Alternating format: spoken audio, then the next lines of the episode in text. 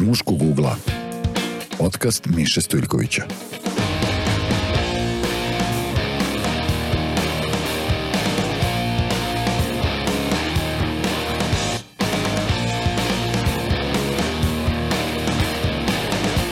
E pa, dobar dan, po treći put e, u ime e, podcasta iz muškog ugla. Dobro nam došli, hvala što ste sa nama.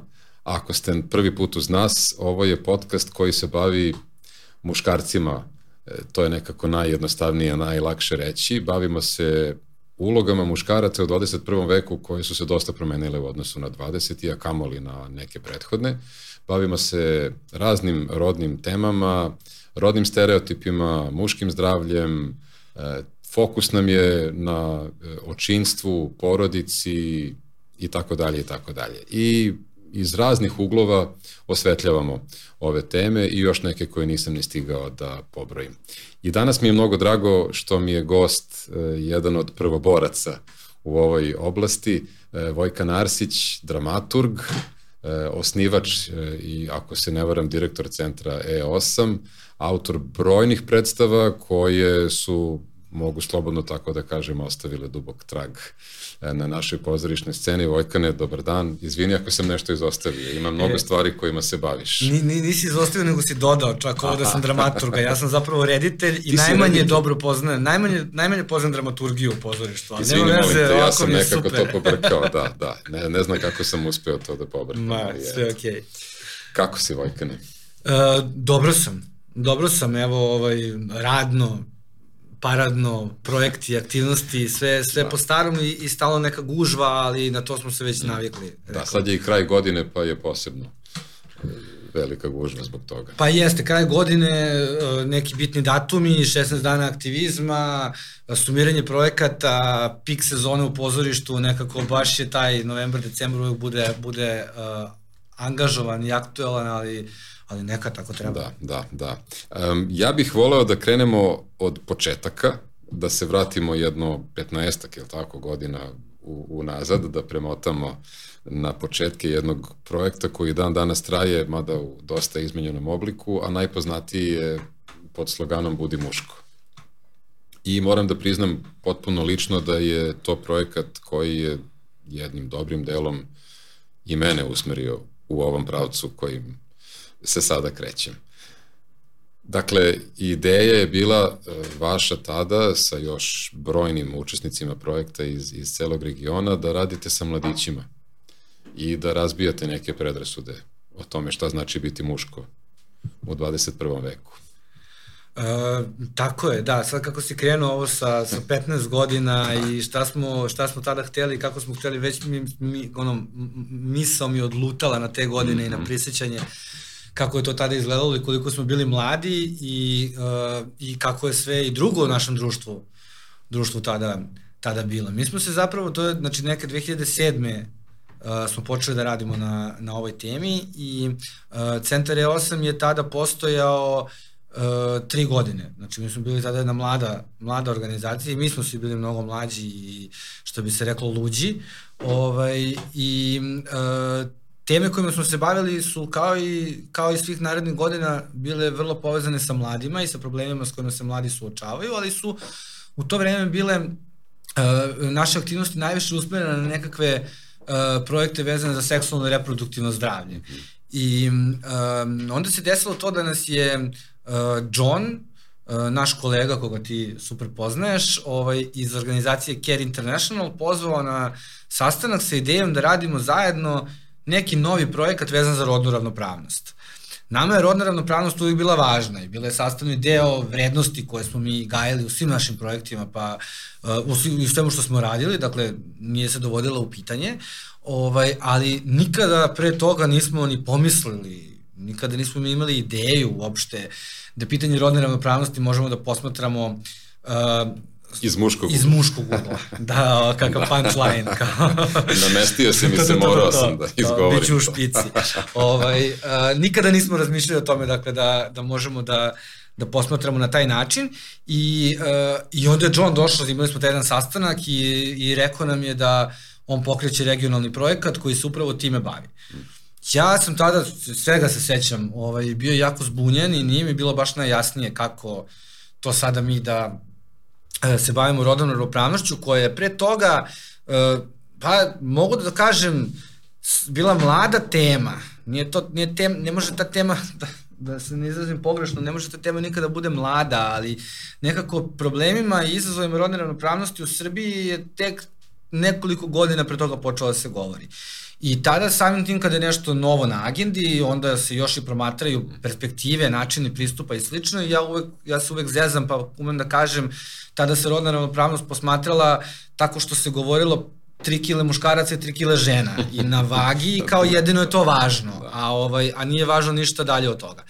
I ovaj mislim i dan danas nažalost postoje razne ra, ra, ra, razni pogledi na na ovaj problem koji su koji se koji se na taj način artikulišu, ali ovaj e, nama je tad John to ponudio, pitao nas da budemo deo jedne regionalne ekipe, mi smo ostali zbunjeni, ali nenormalno inspirisani, nenormalno, odnosno jako pozitivno čačnuti na temu te perspektive i onda se desilo nešto što ja za sve ove godine svog rada u NGO sektoru uh, nisam imao puno puta ili možda skoro nikada prilike da, da, da vidim i da, i da prođem, a to je da smo mi zaista tada imali podršku od uh, Johna, Marine, cele te ekipe i, i naših regionalnih partnera da zapravo godinu, dve tog projekta mi učimo i istražujemo i preispitujemo pitanje muškosti sa, sa mladima. Dakle, nije nam projekat krenuo i istog momenta se od nas očekivalo da držimo ne znam kakve radionice, ne znam kakve obuhvate i ne znam kakve aktivnosti, već smo imali zaista dosta vremena neverovatne stručnjake na raspolaganju koje su kroz projekat sa nama radili, držali nam trening, edukacije i slično. Mi zajedno na, na nivou našeg regiona da bismo se osnažili i krenuli u pilot fazu. I ja se sećam, e, naš prvi susret bio je u stvari profesionalan i ja sam kao novinar u to vreme radio neku priču o tome šta vi radite i strašno me zaintrigiralo to da se sa mladićima od 15 do 18 godina srednjoškolcima radi na toj temi i da, da radite radionice sa njima na temu nekih rodnih stereotipa, zdravih stilova života, zaštite od neželjenih trudnoća, neku vrstu, to je bila neka vrsta i seksualnog vaspitanja između ostalog. Apsolutno. I ono što mi se posebno dopalo jeste taj vršnjački pristup, to što su sa njima radili momci svega par godina stariji od njih, kojima će mnogo pre da veruju nego nekome od 40, 50 ili više godina i taj pristup se pokazao kao potpuno fenomenalan i ono što je još jači utisak na mene ostavilo jeste to da su mnogi mladići koji sam ja imao prilike da upoznam, to sad možda zvuči kao fraza, ali zaista promenili svoj pogled na svet pod uticajem tih radionica i razgovora na te teme. E, apsolutno. Mi smo e, se i pre ovog projekta bavili vršnjačkom edukacijom i taj, taj pri, pristup u radu je nešto u što mi najviše verujemo. I smatramo da prosto to najbolje umemo da radimo i da, i da se time bavimo. Uh, a postoji još razni neki uh, uh, okviri koje je bilo važno ispoštovati kada, kada ulazimo i kada se bavimo ovako jednom temom. Uh, naprimer, uh, na Budi muško radionicama, kako se to ovako popularno zove, su isključivo muškarci I na muško radionicama uh, edukatori, odnosno ljudi koji drže te radionice, mogu isključivo da budu muškarci. To je, na primjer, bilo vrlo tako čudno. Mi kad smo krenuli da se bavimo ovom temom, mi, uh, moram da kažem, nismo baš tako divno bili prihvaćeni. Na, mi smo imali velikih izazova, da se tako politički korektno izrazim, ovaj, sa raznim činiocima iz ove oblasti, da, da, kako bi se shvatilo da mi radimo dobru stvar za, za rodnu ravnopravnost i za naše društvo. Ljudima je bilo teško da shvate da, da rodna ravnopravnost može da se posmatra iz muškog ugla. Valjda zbog toga što su vekovima unazad muškarci nekako dominirali i žene bile u podređenom položaju i onda je bilo Absolut. pa kako sad, šta sad muškarci i rodna ravnopravnost. I puno su mi, mi, mi na tome radili da tu, da tu temu stavimo na agendu i da naš program zapravo promovišemo i objasnimo da on uh, i te kako ima svoje vrednosti, ne i te kako nego da zapravo doprinosi povećanju rodne ravnopravnosti, smanjenju nasilja, zdravlju mladića i tako dalje tako dalje. Kada bismo išli kroz sve teme teme koje, koje obrađujemo. Tu ima stvarno nekoliko, nekoliko važnih ljudi koji su nam mnogo pomogli u tome i koji su to među prvima prepoznali. Marina Blagojević, koja nažalost više nije sa nama, je, je žena koja je od prvog dana videla važnost i, i davala nam snagu, motivaciju, energiju i dan danas to, to, to radi ovaj, kroz, kroz ovaj rad. Zoran Antonijević takođe, Jelena Zeganović, još sad da ne propustim nekoga, stvarno, stvarno veliki broj ljudi koji su, koji su videli um, koliko, je, koliko je ovo što radimo važno. Ali da se vratim uh, malo ovaj, preciznije na ovo tvoje pitanje, odnosno konstataciju. Uh, ono što mi na našim radionicama radimo, mi kroz naš program, mi se zapravo bavimo uh, zdravim stilovima života. Nije to ništa nešto previše novo izmišljeno, znači bavimo se temama koje su važne i relevantne za odrastanje jednog mladih ljudi, ali da. kada ih stavimo u perspektivu muškosti, kada ih posmatramo uh, iz tog ugla, onda i kada ih posmatramo u ovim okolnostima koje sam sada rekao, dakle da smo u homogenim grupama, da postoje razna pravila kako se, kako se radi, koji su principi poštovanja, slobode, razumevanja u toj grupi, onda sve te teme dobijaju neki, neki drugačiji, uh, drugačiji oblik i drugačiji, i drugačiji rezultat. Uh, identitet, kakav god on, koji, koji god deo identiteta mi, mi promatrali, u ovom slučaju rodni identitet, ali mislim da je to važno i za, i za sve druge identitete koje nas čine, uh, je nešto što se najteže menja, a što se najlakše, odnosno najsmislenije menja onda kada postoji prostor za samorefleksiju. Onda kada postoji prostor za promatranje tih naših da. uh, principa i vrednosti koje čine naš identitet u ovom slučaju u ovom slučaju rodni.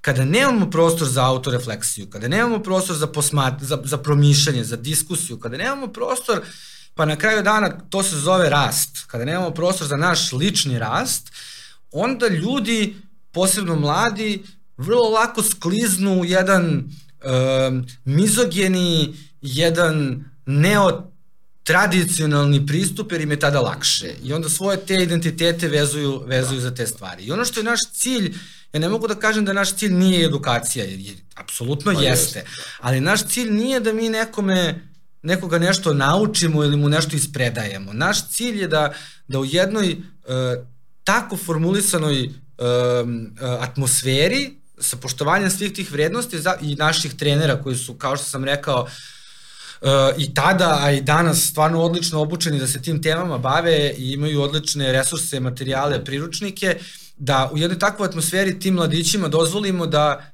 zaista rastu, da zaista otvoreno razgovaraju o tim problemima. I zato je zato je rezultat vidljiv i vrlo čest. Zato što mi verujemo u te mlade ljude i verujemo da, da zdravim razumom nijedan mlad čovek neće doći do zaključka da treba da bije ženu ali, ali promatranje tog zdravog razuma je ono što nam nedostaje. I e, vrlo otvoreni razgovori o vrlo škakljivim temama, alkoholizam, zloupotreba droga, e, seksualni odnosi, zaštita od neželjenih trudnoća, nasilje, e, homoseksualnost, to su sve teme koje izazivaju i dan danas velike kontroverze u našem društvu, vi o tome vrlo otvoreno pričate sa momcima od 15 do 18-19 godina i pružate im šansu na kraju krajeva i da oni sami sebe prvi put čuju, da sami sebi negde verbalizuju to o čemu razmišljaju i još plus da dobiju neko tuđe iskustvo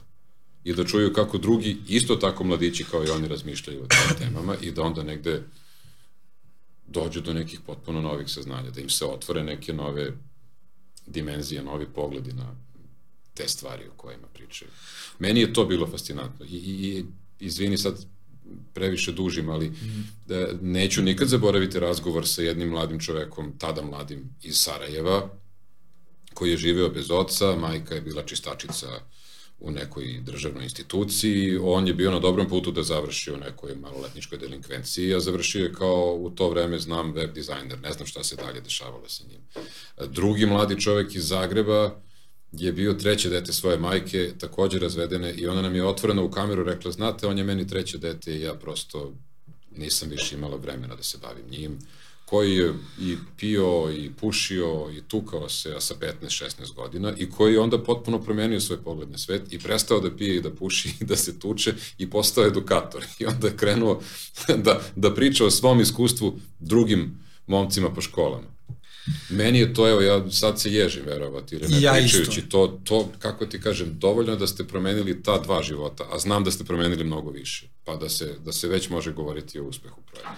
Uh, ja se isto ježem dok ovo pričaš zato što pokušavam svakog dana da budem svestan uh, stvari koje smo radili i zapravo budem strašno ponosan i na kraju dana od toga živimo. I to je ono što nas koji se bavimo aktivizmom i promenom nekakvih sistema vrednosti po, poboljšanjem jednog društva, to je ono što je što je naša satisfakcija. I uh, ti mladi ljudi, ja sad naravno znam o kome ti govoriš, Da. ovaj uh, su fantastični.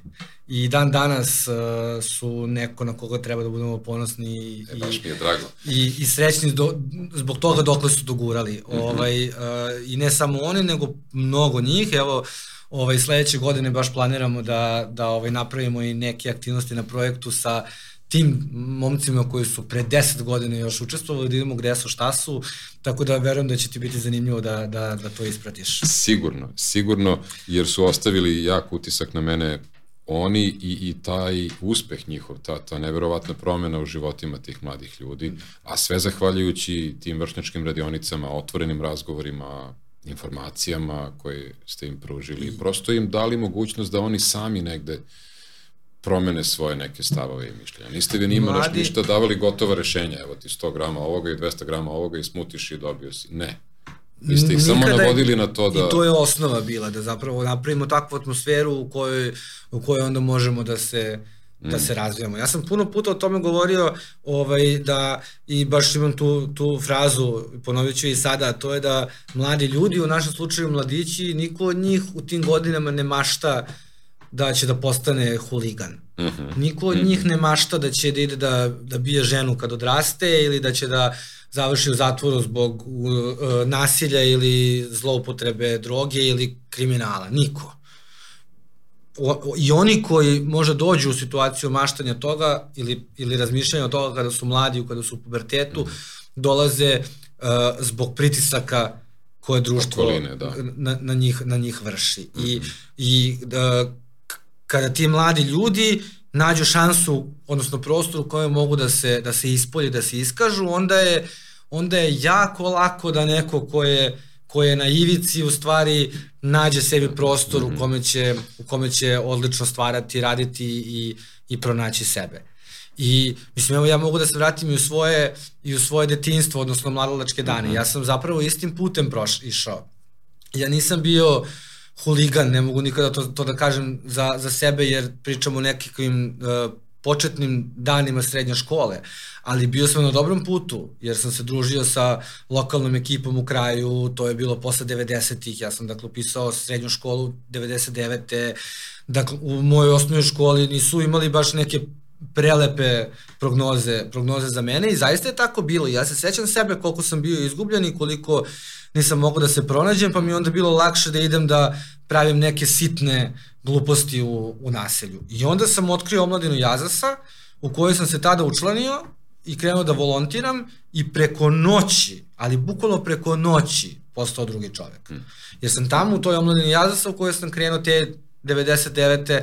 2000 pronašao zapravo ono što me zaista vozilo i inspirisalo. Ono, onaj smisao koji sam uvek želeo, a ne onaj koji mi se nametnuo mm -hmm. zbog mm -hmm. i tadašnje društvene situacije i, i današnje i generalne. Da, da. E, i, i, I nastavio si ti da, da se razvijaš i ceo taj projekat. Ja se sećam tih fantastičnih, to možda sada i ne zvuči kao ne znam kako kreativan slogan, ali zaista sjajnih slogana tipa budi muško, bilduj mozak, budi muško, kupi devojci cvet ili ne znam, budi muško, skuvaj ručak. To ste slali takve poruke i to su sve smišljali ti momci srednjoškolci, to im niste vi davali gotove Absolut, recepte, je, nego su sve one, budi muško menje pravila, to je jedan od glavnih. Ba, da, budi muško menje pravila, ali on se nekako izvuko da bude kao jeste, krovni, ali jeste. zapravo, da, bilo ih je puno, budi muško, kupi kondom, budi muško. Tako je, tako je. Znači, to je generalno slogan, budi, budi muško. muško, ne budi nasilan, ili već tako nekako, znači, da, stvarno da. su bile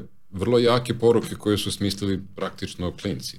I to je princip od početka mm -hmm. i do mhm. dana današnjeg. Mm -hmm. Dakle, sve što radimo na projektu, posebno te komunikacijske stvari, oni uvek dolaze dolaze od mladih. Naravno, uz da. našu podršku, od podršku saradnika, mi smo tu imali gomile kreativaca koji su sa nama sarađivali, ali i ti kreativci nisu čitali naše mailove, nego da. su direktno sedeli i razgovarali sa tim mladićima koji su, koji su, s kojima smo radili. I onda smo u okviru tog Budi muško kampanje mi zapravo pokrenuli osnivanje Budi muško klubova, mm -hmm. koji su pretežno deo, deo škola u kojima radimo i kojima smo radili, ali su takođe u Srbiji bili na nivou lokalnih zajednica mm -hmm. po, mhm. po čitavoj zemlji u jednom trenutku i ideja osnivanja Budi muško klubova je sve ovo što smo do sada pričali, dakle da tu ideju jednog slobodnog prostora u kojem može da se razgovara o ovim temama i u kojem ima prostora za, za promenu, za razvoj, za rast, da možemo da multipliciramo, odnosno da, da, da obezbedimo na što više lokacija mm -hmm kako u gradu, tako i u Srbiji, tako i u da. regionu, jer kao što smo pomenuli, ovaj projekat se realizuje još nekoliko zemalja Jeste. Balkana. I ostavio, čini mi se, onako značajan trag svuda gde god da je rađen, a što se tebe lično tiče, nekako te odveo dalje u pravcu razmišljanja o maskulinitetu, o tome šta znači biti muško i, i, i, i do prve predstave muškarčine koje onako baš bila jaka u to vreme. Verujem i dan danas. Nisam je, nisam je dugo gledao, ali, ali mislim da bi, evo vi sada, kad bih je pogledao, imala podjednako jak efekat kao i onda. Da, uh, verujem, posebno za tebe koji si gledao ranije, da je da, da. zanimljivije da vidiš kako se tu tu šta ovaj, uh, dešava. Pa, mislim, ovaj projekat je meni, a i mogu to slobodno da kažem, većini ljudi iz našeg tima, iz celog regiona, zaista donao neke životne stvari. I, mm -hmm i zato on ima posebno mesto u mom srcu, ako mogu tako da se izrazim. ovaj, uh, posebno mesto u mom ćošku, u mom uglu. U mom da. uglu. ovaj, uh, Pa da, ja sam se uvek interesovao za pozorište i meni je pozorište uvek bilo nešto što me, čime sam želao da se bavim, ali nekako u odrastanju, u godinama, to je, ja sam se bavio pozorištem u edukaciji, bavio sam se forum teatrom, raznim nekim drugim uh, drugim vidovima pozorišta i zapravo Minja Bogavac i ja smo se na ovom projektu sreli i rešili da sarađujemo zajedno i to je, i to je zapravo naša saradnja je, rezultat naše saradnje i predstava predstava Muškačine koja sledeće godine slavi 10 godina uh, na sceni ovaj, uh, sa redovnim igranjem bez da, ikakve pauze. Isto tako nastala kroz spontane razgovore, scenariju su napisali u stvari sami akteri, je li tako? Tako je. Uz neko vaše vođstvo i usmeravanje. Tako je, tako je. Mi smo, mi smo tada, 2012. imali, imali konkurs, odnosno audiciju za, za, za glumce. Rekli smo uh, koji, su, koji, je to, uh, koji je to starostni obim, uh, odnosno koja je to starostna granica uh, za, za prijavljivanje na audiciju, ali nismo nigde definisali da treba bude pravi profesionalni glumac ili ne, ne ili da li treba da ima iskustva ili ne, namerno su tako ostavili. I nakon što smo preko 60 ljudi pogledali na toj audiciji, uh, E, Minja Bogavac i ja smo jednoglasno se složili da izaberemo tu grupu mladića koji uh, niko od njih nije bio profesionalni glumac. Mm -hmm. I nekako smo rešili da idemo tim konceptom. Oni su svi imali veze sa glumom, bili u nekim školama glume, ali ovaj, uh, neki od njih su tada bili u srednjoj školi. Četvrtoj godina srednje škole su bili tada Marko i Alek. Ovaj, I onda smo šest meseci uh, sa tom grupom mladića mi zapravo pripremali predstavu, tako što smo se s jedne strane bavili edukacijom njih, mm. jer je, nam je jako važno da u našem pozorištu, ne samo u toj predstavi, nego i svim drugim kasnije, jer se od te predstave na neki način Krenu. razvila i metodologija našeg rada, ovaj, uh, jako nam je važno da ti ljudi na sceni budu, ne budu samo izvođači, mm -hmm. vrlo često ih potpisujemo u predstavama kao koautore, jer je to najtačnije i najistinitije, i uh, mi smo jako puno učili sa tim mladićima o muškosti, jako puno istraživali, dosta diskutovali, dosta imali internih sastanaka, foruma i radionice gde smo promatrali sve moguće na temu muškosti kako bismo imali ekipu sa kojom, koja zna o čemu priča.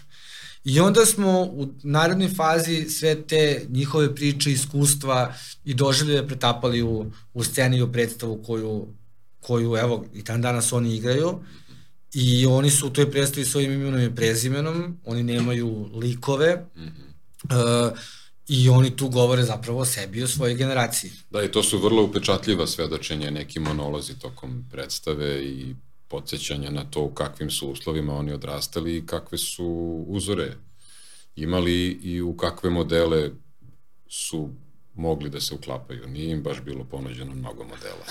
Tako je, ta posljednja scena je verovatno možda najsnažnija kada, kada govore koliko su oni imali godina i šta im se u životu dešavalo kada su se dešavale razne neke društvene situacije, društvene stvari koje su neminovno uticale na njihov njihov razvoj i na, i na odrastanje, ali ovaj um, ali eto da, ta predstava je i dalje na sceni, redovno se igra, obišli smo pola Evrope, što se tako paušalno kaže, iako je možda 25%, ovaj, i preveli predstavu na nekoliko jezika i uh, sledeće godine je 10 godina te predstave i planiramo svašta na tu temu, ovaj, tako da mislim da će na sledeće godine biti sigurno uh, obeleženo muškačinama, ali kao da je život nije.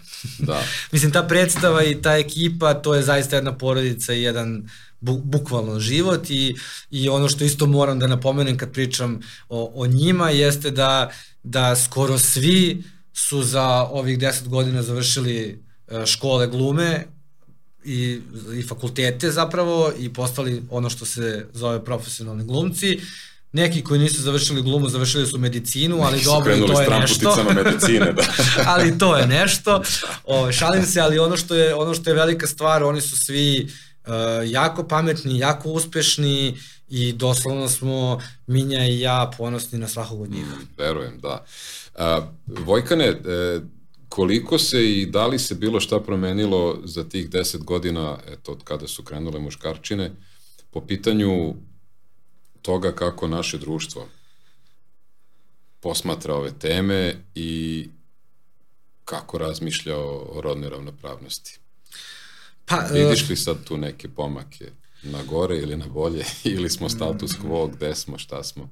Da, jako, o, o, ove vrsta pitanja koja e, mi se neretko postavljaju mm. e, su zapravo, mislim, jako teška i, i da. nemoguće je dati precizan i, i argumentovan odgovor na, na ovo mm. pitanje. E, neminovno je, činjenica jeste da su se stvari promenile. I ja, ću, ja sam siguran da su se promenile na bolje.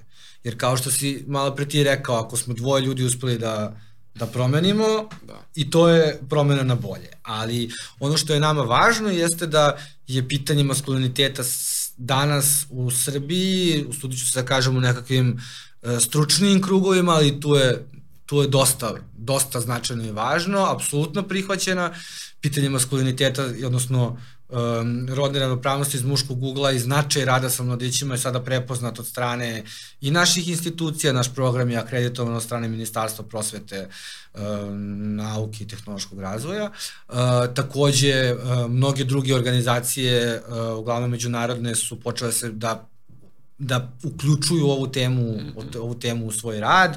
Uh, agencije ujednih nacija su prepoznale koliko je važno da da se pitanje maskuliniteta radi to su sve, da se pitanje maskuliniteta, maskuliniteta bavimo i to su sve nekako rezultati ovoga, ovoga što mi radimo mi radimo svih ovih godina. Na, na nivou politika, na nivou uh, zakona, na nivou propisa takođe postoje nekakvi, nekakvi pomaci, ali svakako bi nam trebala ozbiljna i velika istraživanja kako bi smo mogli da da znamo šta je to precizno. Siguran sam da, da ponuđenih odgovora koje si mi dao nismo ni u statusu quo, nismo ni nazadovali, svakako smo napredovali, e sada da li je taj napredak dovoljno brz i dovoljno, dovoljno veliki, to moramo da, da još promišljamo i da, i da to imamo na umu. Da, i mislim da treba imati na umu da je to zaista na svetskom nivou jedna aktuelna tema, da nije to nešto o čemu se sad samo u Srbiji govori i razmišlja, nego da je to neka vrsta, ne znam da li mogu da kažem pokreta, prosto jednog fenomena koji, koji se dešava na svim kontinentima. Svuda to pokazuju istraživanja o, sta, o statusu muškaraca, uh, u kojima takođe učestvujete i vi, uh, svuda negde muškarci imaju potrebu da malo redefinišu sami sebe i da Absolutno, se nekako da. prilagode da. svim promenama, a dramatične su se promene desile u poslednjih par decenija. I, da, apsolutno i poslednjih godina, da. Ovaj, da. Uh, Images istraživanje koje mm -hmm. verovatno pominješ je urađeno preko 20 zemalja sveta i, i kroz jedan standard se prati, to istraživanje je rađeno je u Srbiji 2000 Ja mislim 18. 18. tako. godine, tako je. Pomenuta Marina Blagović Hewson ga je radila i na fantastičan način interpretirala, odnosno uh, napisala rezultate tog istraživanja. Um, m, nije to toliko važno, ali, ali nama jeste. Mi smo zaista pioniri uh, u, na, na globalnom nivou u, u ovoj temi. Um, organizacija koja se zove Promundo, na čijom čelu je Gary Barker, koji je svima nama nekako kao tata Da. u, ovaj, u, u, u, u ovoj vrsti obrazovanja i, i, i, i rada. Um, oni su krenuli da se bave pitanjem maskuliniteta i rodne ravnopravnosti u favelama u Rio de Janeiro nekoliko godina pre nego što smo mi to počeli kod nas. I to se nekako smatra začecima uh, uh, rada i ovog programa. Mi smo imali te sreće da već pomenuti John je ovaj uspeo da nas da napravi vezu između Balkana i Brazila, kako to dobro zvuči, Da, da, i da nam na, da nam da napravi takvu atmosferu da mi kao što sam rekao više od godinu dana imamo prostora da učimo i da tu metodologiju koju su oni razvili za za njihov rad prilagodimo radu na Balkanu, nije sve, nije potpuno, naravno. naravno sve isto. Ali da, danas je Promundo radi na svim kontinentima ovog sveta i e, za eto ovih 15, da kažemo 20 godina kad su i oni počeli, ova tema je zaista uspela da preplavi svet, odnosno da, da u, u svakom delu ljudi postanu svesni da. koliko je važno da se redefiniše i diskutuje i razgovara mm. o tome. I, Iz tog ugla. Da, i meni je posebno fascinantno to što su zaista velike promene postignute u, u, u zemljama Južne Amerike, gde je ono kult mačo muškarca možda najjači. Posmatrano globalno. Možda grešim, ali meni tako deluje nekako. Kada su oni tamo uspeli da naprave neke promene, mislim da je to svuda moguće. Jeste, da, da, čak i na Balkanu. da, da, Et, ima, da, ima, da, nije, da. nije da nema veze između, između, između Brazila i Balkana u tom kontekstu mm -hmm, mm -hmm. ovaj, i tekako. Da, da. Uh, pominješ e, Gerija Barkera, jednog od zaista onako očeva, ovo, spiritus movensa celog, Bukvalno, celog jednog genijalca. Pokreta koji je bio i ovde u Beogradu na nekim konferencijama i skupovima koje ste organizovali i to se može smatrati dosta velikim uspehom za Srbiju, to što je recimo jedne godine baš ovde u Beogradu organizovana ta velika konferencija kakva se dešava jednom u četiri godine, je tako? Pa, ili jednom u dve? Ili jednom u dve godine, to je, ne. da, tako je, to je bilo vezano za, za men care kampanju, Jeste. vezano za, za očinstvo, koje je mm -hmm. deo cijela ove, ove, ove šire priče. Ali da, Geri je, je zapravo dosta više puta bio, da. bio ovde. Ja bih mogao da setim da je u Beogradu što na konferencijama, što uh, što nekim drugim povodima sigurno bio, bio da. možda i deset puta. Da. Ove što je stva, I u regionu, što je stvarno velika, velika čast. I mi smo imali prilike da se iz Gerijem i sa ostatkom ekipe iz Promunda i družimo i učimo i radimo i ne samo na Balkanu. Tako da to su nam onako e, e, veliki e, prijatelji u, u, u ovom smislu, a i u svakom. Vojkane, 2021. godine u Srbiji se desila jedna važna stvar, a to je da su e, žene po prvi put, e, možda ne baš po prvi put, ali mi se čini nekako da je to dobilo neku, da je podignuto na mnogo viši nivo. Žene su počele mnogo ozbiljnije otvorenije da govore o iskustvima nasilja kroz, kroz koje su e, prolazile, pogotovo seksualnog nasilja i silovanja i zlostavljanja i svega. Kako ti to sve deluje iz sad ovog našeg muškog ugla, kako si se ti osjećao kao muškarac kada si čuo za to šta su neki drugi muškarci radili nekim drugim ženama?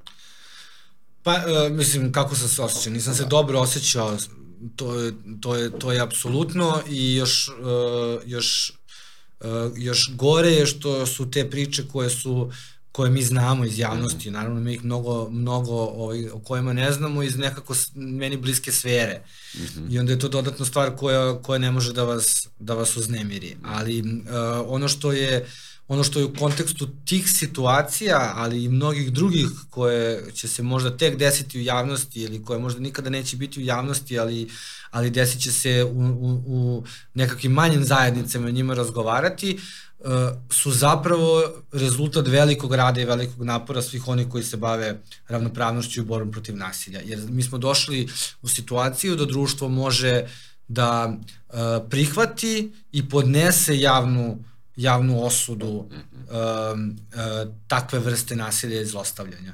I sada bi mi sigurno ne, neko skrenuo pažnju na to da nije svako to osudio i da postoje uh, jako loše stvari, evo i sad gledamo šta se dešava ovaj, na, na tu temu između mhm. Branislava Lečića i Danijela, odnosno šta on radi. Uh, to je istina, da postoje i tekako uh, ljudi koji to nisu osudili i uh, u načinu komentarisanja tih vrsti nasilja i zlostavljanja se moglo i tekako videti iz kog korena te stvari, te stvari dolaze. Ali ono što je um, opšta, op, op, opšti utisak jeste da je, da je takva vrsta nasilja i zlostavljanja stavljena na agendu i da sam ja lično uh, jako siguran da sledeći put kada neko bude poželeo da se tako nekim užasnim stvarima služi, da će se zapitati da li će i on biti na naslovnoj strani. Misliš da hoće stvarno? Ja mislim da hoće. Naravno, naravno da, o čemu mislim da hoće. Kada pričamo o, o nasilju, nasilje se ne, ne dešava samo uh, uh, ženama koje su izašle u javnost, to je, to je da. apsolutno i oko toga se slažemo. Uh, kada neko bude tu vrstu svoje moći koristio da, da izvrši tako neku vrstu nasilja i pritiska, ja verujem da će se zapitati. I to je na kraju dana bio i ključni cilj uh, zbog čega su devojke izašle u javnost. Da, da. Imali smo i, i, i slučajeve isto u prethodnih godinu, dve i političara koji su uh, takođe bili pod, pod lupom javnosti zbog izjava žena vezano za seksualno uznemiravanje na poslu, mobbing, ponekada i zlostavljanje i bilo je s druge strane dosta reakcija muškaraca koji sigurno takve stvari ne rade, ali se osjećaju negde prozvano kao muškarci i onda se osete loše kao zašto sad ja da, da, da ispaštam u ime nekog drugog. To je ona priča o ličnoj i kolektivnoj odgovornosti. Nekako mi se čini da, da, da, da se muškarci kolektivno osjećaju loše i prozvano zbog toga što su neki muškarci činili neke baš baš grozne stvari drugim pa, ženama. Da. A i drugim muškarcima na kraju kraja. Mnogo pa, i muškaraca i, koji, kako, su, koji da. su žrtve. Da, pa mogu da se složim sa tobom. Da. Da, i, i, i onda e, ja se pitam do kuda će sve ovo da odvede i kakve će, kakve će da budu sve negde reakcije javnosti. Između ostalog, to je bio jedan i od e, razloga zbog kojih sam krenuo da, da se bavim ovim podcastom i da negde zajedno sa sagovornicima razmišljam o, o, o tim temama. Ne znam da li će to možda sad stvoriti neku, možda ja i pretarano dramatizujem, neku zlu krv između muškaraca i žena ili neće, ali, ali e, sigurno sad ima muškaraca koji se pitaju, pa dobro, sad šta ja, kako ja sad radim ako mi se neka žena dopadne, dokle smem da idem, šta smem da je pitam, šta ne smem. To negde bukvalno ide do tih razmišljanja. Pa ne, ja, ja sam puno da, komentara te vrste mm -hmm. ovaj, e, video i kako bih vam rekao, kako bih ti rekao, ovaj, ja sam i, mislim, i u i nekim drugim zemljama sam video koliko te stvari ume da se okrenu naopako. Da, da, da negde eskaliraju. Potpuno odu da. u neku u neku drugu krajnost. Ja se sećam u godinama kada je Mi tu pokret bio naj, mm -hmm. najaktuelniji u, Nju, u Americi, da su kompanije počele da otkazuju novogodišnje proslave. Iz straha da će se straha da će se zaposleni da će zaposleni popiti malo više i da će možda nešto da se desi. da, da, dakle mislim da. i to je sad kako da kažem, mi smo kao ljudi podložni tome da da skrenemo i pokušamo da, da, na, da, da se zaštitimo, a ne zapravo da se bavimo mm -hmm da se bavimo nekim rešavanjem nekog problema. Mm -hmm. e, kako na to reaguju, pretpostavljam da si dalje u kontaktu sa, sa mladim ljudima, kako na sve te stvari reaguju klinci u radionicama koje, koje sprovodite sa njima? Kako oni sad razmišljaju o tome? Pa, uh, ja nikada nisam Uh, u životu održao sam mnogo radionica. Poslednjih godine i ne toliko, zato što, jel te, Dobro, na početku smo pričali, a i na početku smo pričali o tome koliko je vršnjačka edukacija Tako važna.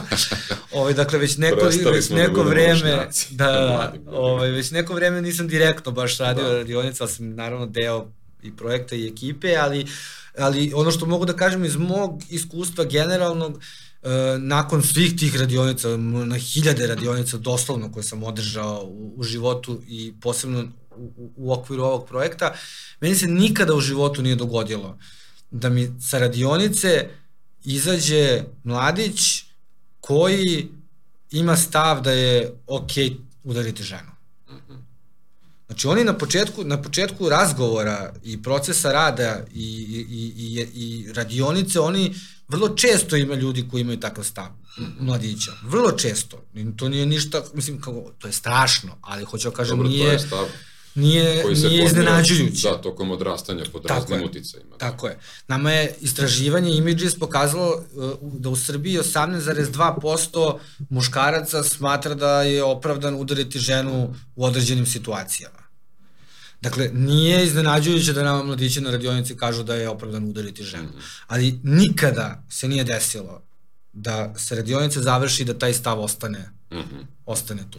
Zato što ni jedan mlad čovek sa zdravim razumom i sa jednim poštovanjem, jednim otvorenim razgovorom ne može da ostane pri tom stavu. I tu ne treba ni priručnik, ni knjiga, ni brošura, ni ne znam ni ja šta. Tu treba samo jedan normalan, otvoren i zdravorazumski razgovor. Da.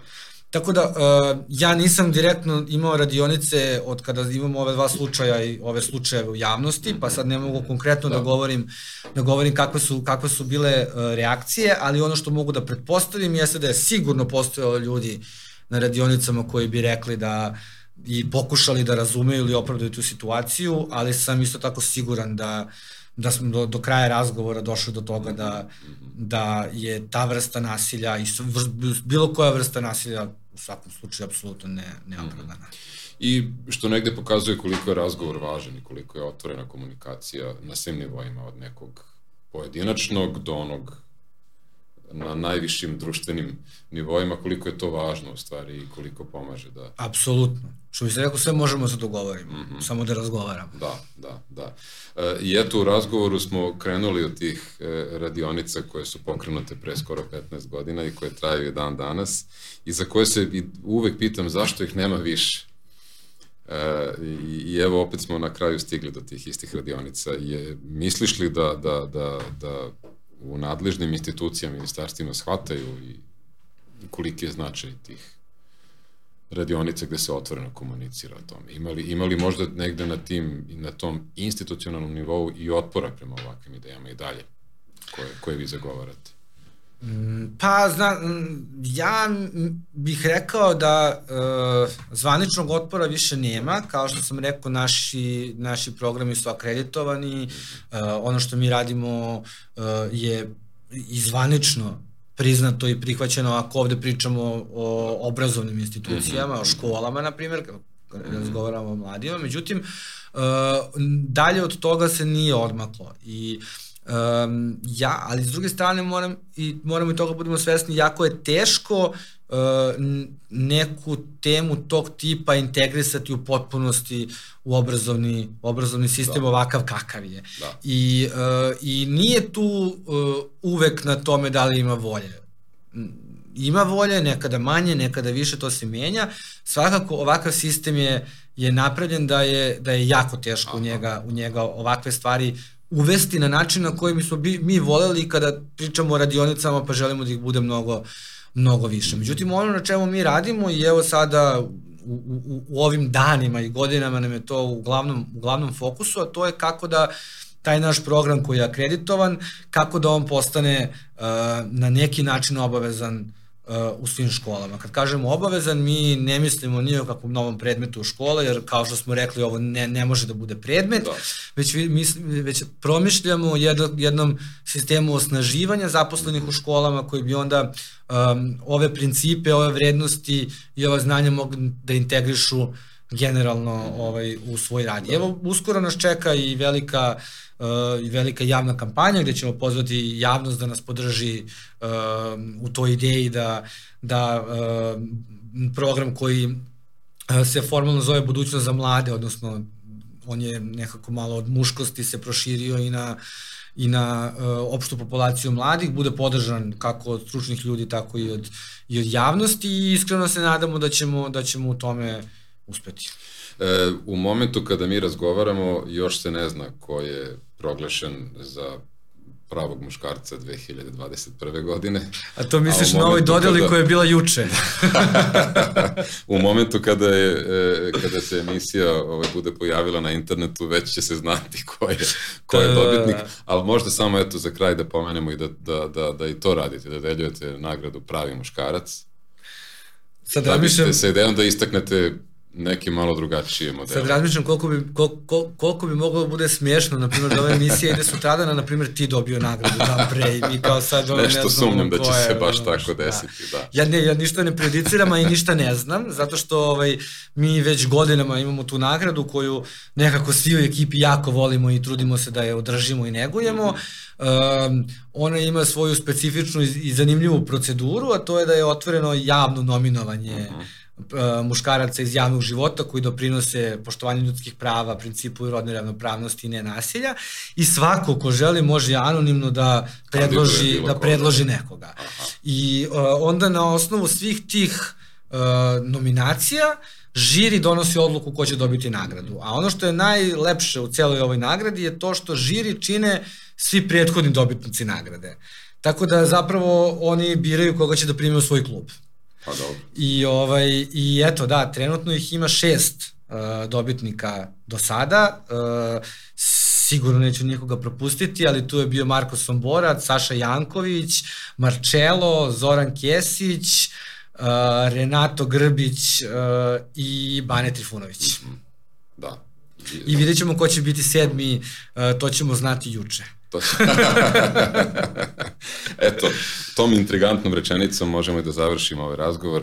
Vojkane, mnogo ti hvala što si e, bio u, u mom podcastu i nadam se da ćemo pričati još o ovim temama nekako, nam se prepliću Mišo, hvala, hvala tebi puno što si me pozvao i hvala ti puno što radiš ovaj podcast i zapravo hvala ti puno na svemu što radiš, zato što, kao što si negde na početku rekao, uh, uh, sa nama si se upoznao u da. okviru da. ove teme i ja svaki put kada vidim šta radiš i čime se baviš u okviru, u okviru ovoga, imam veliki respekt i imam Hvala. veliku svest o tome koliko je tvoj rad e, zajedno sa našim i zajedno sa svim drugim organizacijama i institucijama zapravo rezultirao time da, da ova tema mm koliko toliko bude na boljem putu i, i, i u boljem pravcu. Da, vidi, ja, ja dvostruko posmatrano verujem u moć reči. Psiholog sam po obrazovanju, a novinar po zanimanju, dakle i u jednoj i u drugoj profesiji se priča i razgovara i sluša e, i zaključuje nešto na osnovu svega što se iznese, tako da, da, da verujem duboko u, u, u čak smem to da kažem lekovitu moć razgovora i, i negde se nadam da ćemo to preneti na, na, na sve ljude koji nas gledaju. Hvala još jednom na gostovanju, hvala vama što ste bili uz eh, podcast iz muškog ugla. Tu smo na YouTube-u, Spotify-u, Deezeru i na raznim drugim platformama. Naravno na podcast.rs nemojte zaboraviti i na ovu domaću platformu i vidimo se u narednim epizodama.